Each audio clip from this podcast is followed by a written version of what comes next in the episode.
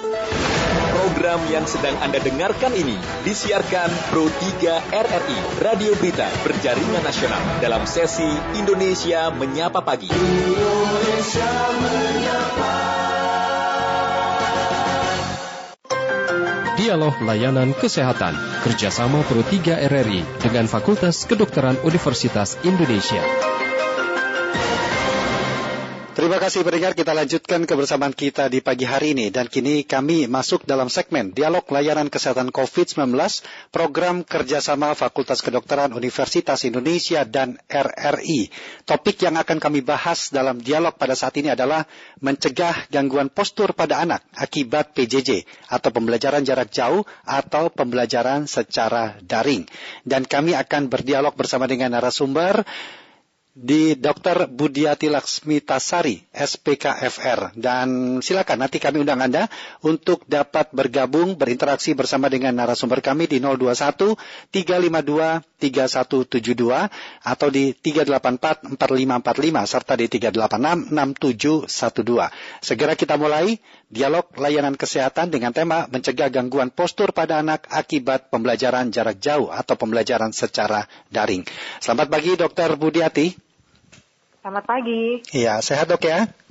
Alhamdulillah sehat. Baik, satu setengah tahun lebih siswa-siswi di Indonesia melakukan pembelajaran jarak jauh. Dan apa dampak apa saja dok yang diberikan terhadap pembelajaran jarak jauh, tetapi bukan dari sisi akademisnya, tetapi dari sisi uh, kesehatan mereka dalam melakukan pembelajaran seperti ini, dengan metode seperti ini? Ya, uh, uh, baik.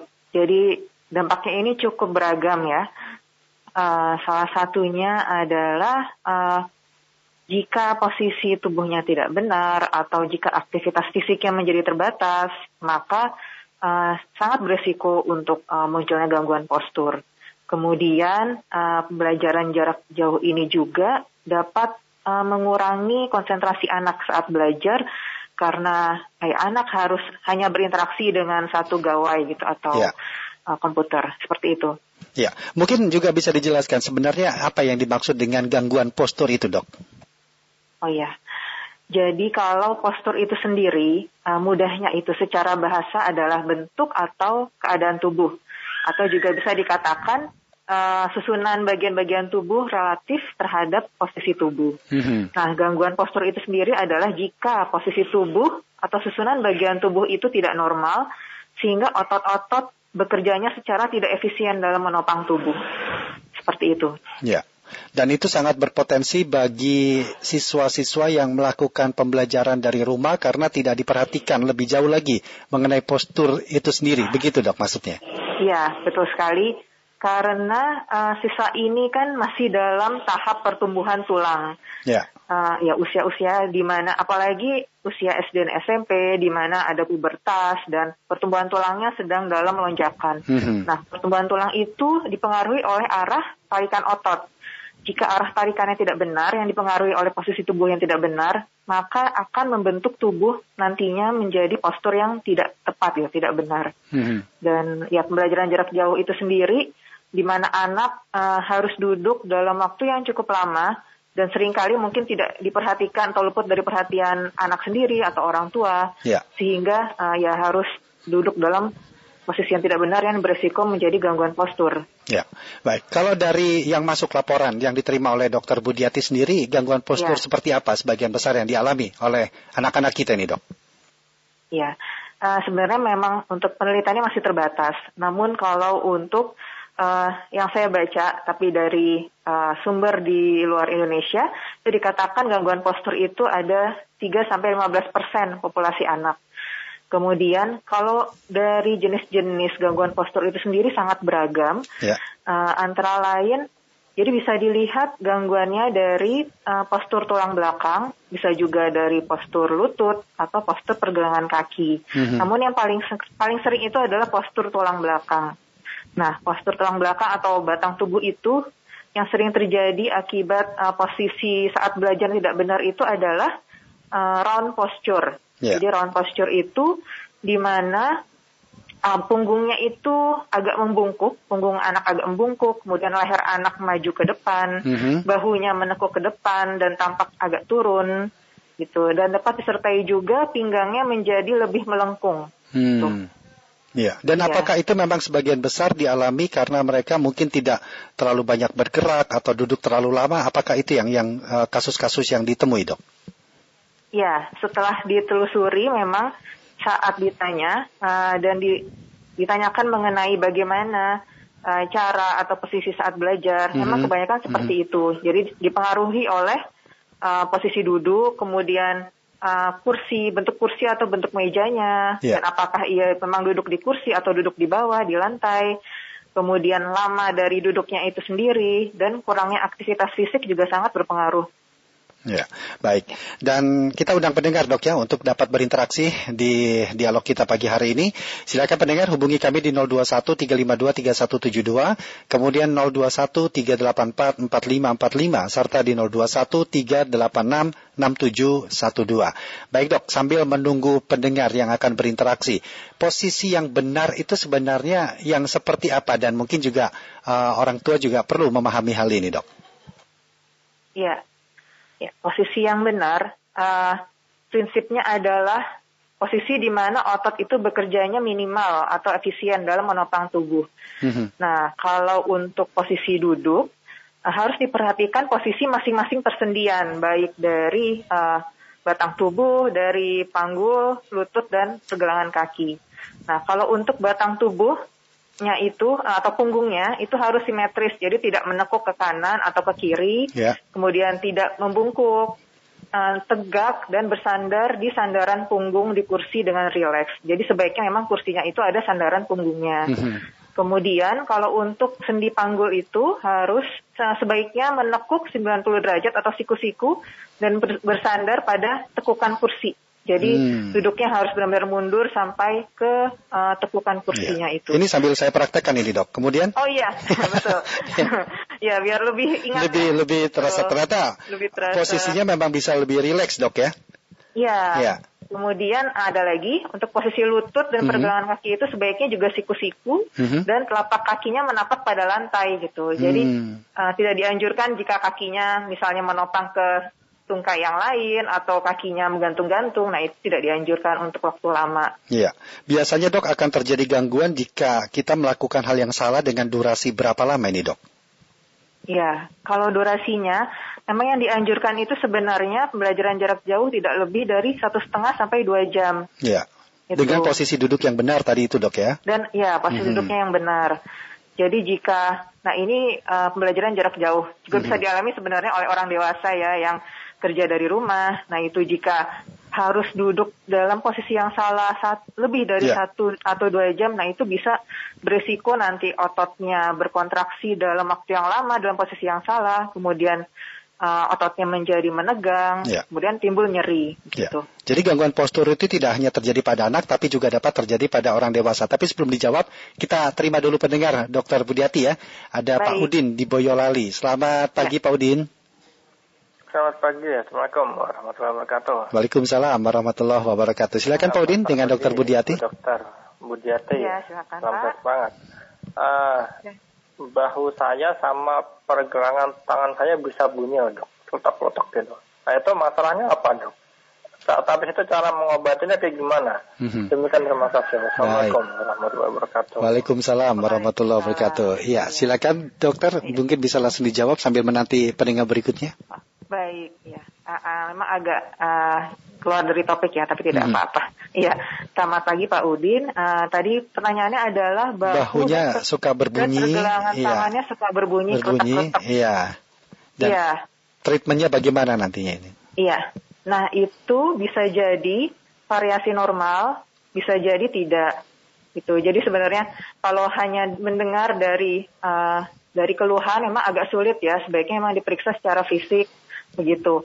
Kalau variasi normal itu sendiri sebenarnya sendi itu bisa mengeluarkan bunyi gemeretak saat uh, dilakukan uh, seperti peregangan, seperti itu. Uh, bisa jadi itu uh, proses normal karena yeah. di sela-sela sendi ada gelembung-gelembung udara yang dapat keluar saat kita menggemeretakkan sendi itu. Mm-hmm. Itu. Namun jika mungkin uh, terlalu berlebihan bunyinya, gemeretaknya, namun dan ada disertai keluhan lain seperti nyeri dan lain-lain, mungkin saja ada uh, kelainan di uh, persendian tersebut seperti ada peradangan atau ada proses degeneratif atau penuaan. Nah itu baiknya memang harus kita assess terlebih dahulu. Hmm. Jadi uh, sebenarnya bagian apa yang bermasalah, struktur yang mana, kemudian yeah. pengaruhi fungsi apa yang bermasalah. Jadi kalau untuk tata laksananya sesuai dengan hasil dari asesmen itu. Hmm, baru gitu, treatmentnya akan disesuaikan setelah ada iya. diagnosa iya. terlebih dahulu dok ya seperti Betul. itu ya. Baik. Jadi, ya. ya kita ke pendengar berikutnya di Cilacap bersama dengan Ibu Wiwi. Selamat pagi Bu Wiwi. Halo. Bu Wiwi selamat pagi. Ya Bu Wiwi selamat pagi. Iya silakan Bu Wiwi.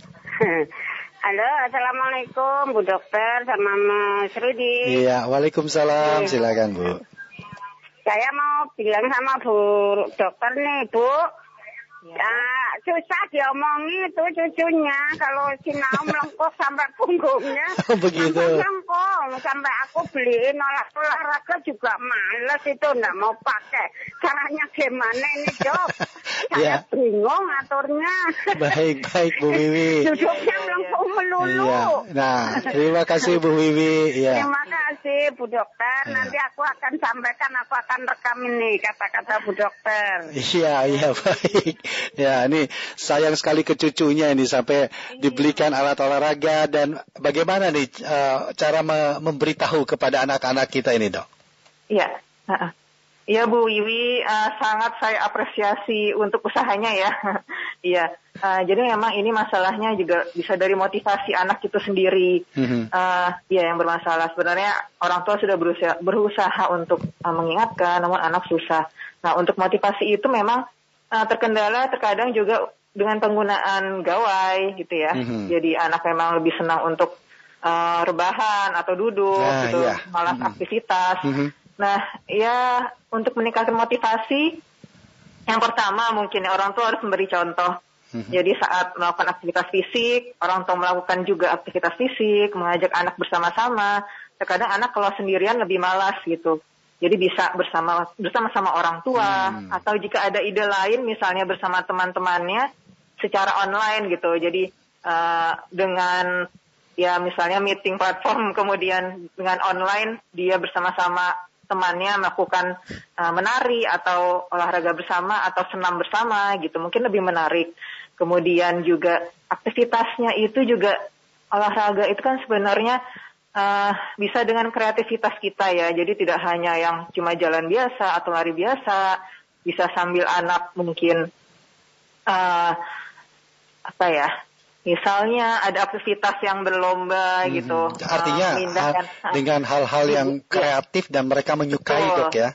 Iya, hmm. dibuat semenarik, semenarik, semenarik mungkin. mungkin. Edukasinya nah, ini, akan disisipkan di dalamnya begitu dok ya? Iya betul. Hmm. Nah ini saya nggak tahu sebenarnya usia cucunya dari Bu berapa dan itu sesuaikan juga dengan usia anak. Gitu. Oh. Gitu. Kalau iya, iya. kalau remaja kan memang lebih suka yang uh, ya yang lebih hmm. bersifat yang agak uh, dewasa atau yang mengikuti tren kekinian gitu. Yeah. Entah uh, misalnya anak uh, atau cucunya itu remaja perempuan hmm. diajak untuk menari sesuai dengan lagu kesukaannya gitu atau uh, dia mau ya ada motivasi lain lah seperti hadiah atau reward jika anak melakukan aktivitas gitu. Tapi hmm. memang yang penting juga ya harus ada contoh yeah. dari orang tua. Yeah. Gitu. Tapi dok sekarang kalau kita lihat bahkan sebagian besar mungkin uh, siswa yang mengikuti pembelajaran jarak jauh ada istilah yeah. mager malas gerak. Nah, itu yeah. Kadang-kadang bisa sampai uh, selonjoran di lantai atau dengan posisi-posisi bahkan tidak ada sandaran untuk uh, punggung mereka. Nah, itu sebenarnya yeah. apakah itu juga termasuk yang berpotensi untuk memberikan gangguan postur pada anak? Iya. Ya, betul sekali. Ya, memang ya perlu dipahami ya, apalagi jika PJJ ini berlangsung cukup panjang, anak mungkin bosan gitu. Beda dengan pembelajaran secara tatap muka. Nah, ya selonjoran atau tiduran, pokoknya tidak sesuai dengan posisi yang ergonomis, semuanya beresiko untuk gangguan postur dan uh, gangguan lain seperti nyeri otot dan lain-lain. Ya mungkin nih baiknya juga kita berkoordinasi dengan pihak sekolah gitu. Mm -hmm. Jadi dari uh, gurunya atau dari pihak sekolah juga mengingatkan dan bersama-sama setiap misalnya setiap satu jam atau setengah jam peregangan dahulu atau berdiri dahulu gitu bersama-sama uh, murid-murid yang lain. Iya. Nah, satu ya. setengah jam itu kan batas maksimal yang dianjurkan dok ya, jika anak ya. mengikuti atau duduk dalam posisi yang uh, tadi di, dijelaskan. Kemudian ya. melakukan peregangan itu butuh berapa lama dok supaya untuk kembali lagi dalam posisi melakukan pembelajaran uh, daring tadi? Iya. Peregangan itu sebenarnya uh, prinsipnya adalah pertama kita menahan bagian otot itu saat diregangkan uh, setidaknya 6 sampai 10 detik. Kemudian uh, setidaknya selama 2 sampai 5 menit peregangan hmm. sebelum melanjutkan aktivitas. Iya. Dan ya. sebenarnya apa dok dampak dari uh, postur pada anak jika hal ini akan terus menerus dibiarkan? Ya. Jika uh, ya misalnya gangguan posturnya tetap dibiarkan, dampaknya itu cukup beragam. Yang pertama adalah yang paling sering adalah nyeri, nyeri otot, uh, nyeri sendi, kemudian jika gangguan posturnya cukup berat, itu nantinya akan meningkatkan risiko penyakit degeneratif atau penyakit akibat penuaan, seperti pengapuran sendi. Nah, itu hmm. lebih mudah terjadi jika ada gangguan postur. Itu. Kemudian, jika gangguan posturnya terjadi pada punggung atau tulang belakang, itu juga dapat mempengaruhi fungsi dari jantung paru. Apalagi misalnya nih skoliosis yang cukup berat derajatnya. Nah, itu uh, pengembangan dari parunya akan bermasalah nah, dan akan pengaruhi kebugaran nantinya juga. Hmm, jadi dan bisa ya, bisa berpengaruh ya, kepada organ dalam dok ya? Betul sekali, hmm. ya. Jadi tidak Kemudian hanya, juga, ya silakan, bagaimana? Oh ya, nggak satu lagi mempengaruhi konsentrasi belajar. Karena untuk konsentrasi belajar perlu kondisi yang nyaman, kemudian otot yang rileks ya. Iya. Gitu. Baik, dok mungkin ada pesan untuk para orang tua yang hmm. uh, memang melihat anaknya masih melakukan pembelajaran jarak jauh, apa yang perlu diperhatikan dan bagaimana memulai cara yang baik dan benar tadi, dok? Iya. Uh, untuk para orang tua, pesan saya yang pertama, uh, mungkin perlu memfasilitasi uh, perlengkapan atau perabotan yang digunakan oleh anak saat belajar. Uh, mungkin memang di sebenarnya itu belajar sebaiknya menggunakan kursi atau meja khusus. Jadi bukan kursi atau meja yang seadanya. Jadi jika misalnya orang tua memang ada kemampuan untuk menyiapkan, lebih baik menyiapkan sesuai dengan uh, posisi yang benar. Jadi tadi ya, kursi dan meja yang sudah saya sebutkan tadi. Ya. Jadi baiknya kursinya itu membuat anak bisa duduk sesuai posisi yang ergonomis yang sudah saya jelaskan tadi. Baik. Kemudian yang berikutnya uh, orang tua juga perlu untuk memperhatikan anak uh, saat belajar itu posisinya uh, tepat dan nyaman. Kemudian yang berikutnya uh, tetap uh, memotivasi anak untuk menghindari gaya hidup sedenter atau yang mager atau rebahan hmm. tadi yeah. dengan tetap aktif secara fisik. Setidaknya itu aktivitas yang moderat atau sedang itu 60 menit per hari hmm. rekomendasinya. Yeah. Ya. Satu lagi, yeah. uh, jika orang tua curiga terhadap kelainan postur anak, misalnya melihat kok posturnya berubah atau bahunya miring, maka segera periksakan ke dokter terkait. Baik. Gitu.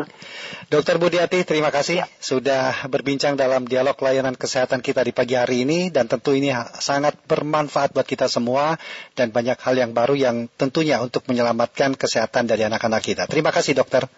Terima kasih kembali. Iya, salam ya. sehat dan selamat pagi. Salam sehat.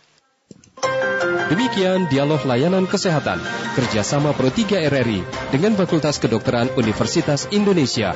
Acara ini bisa Anda dengarkan setiap Senin sampai dengan Jumat pukul 9.30 waktu Indonesia Barat.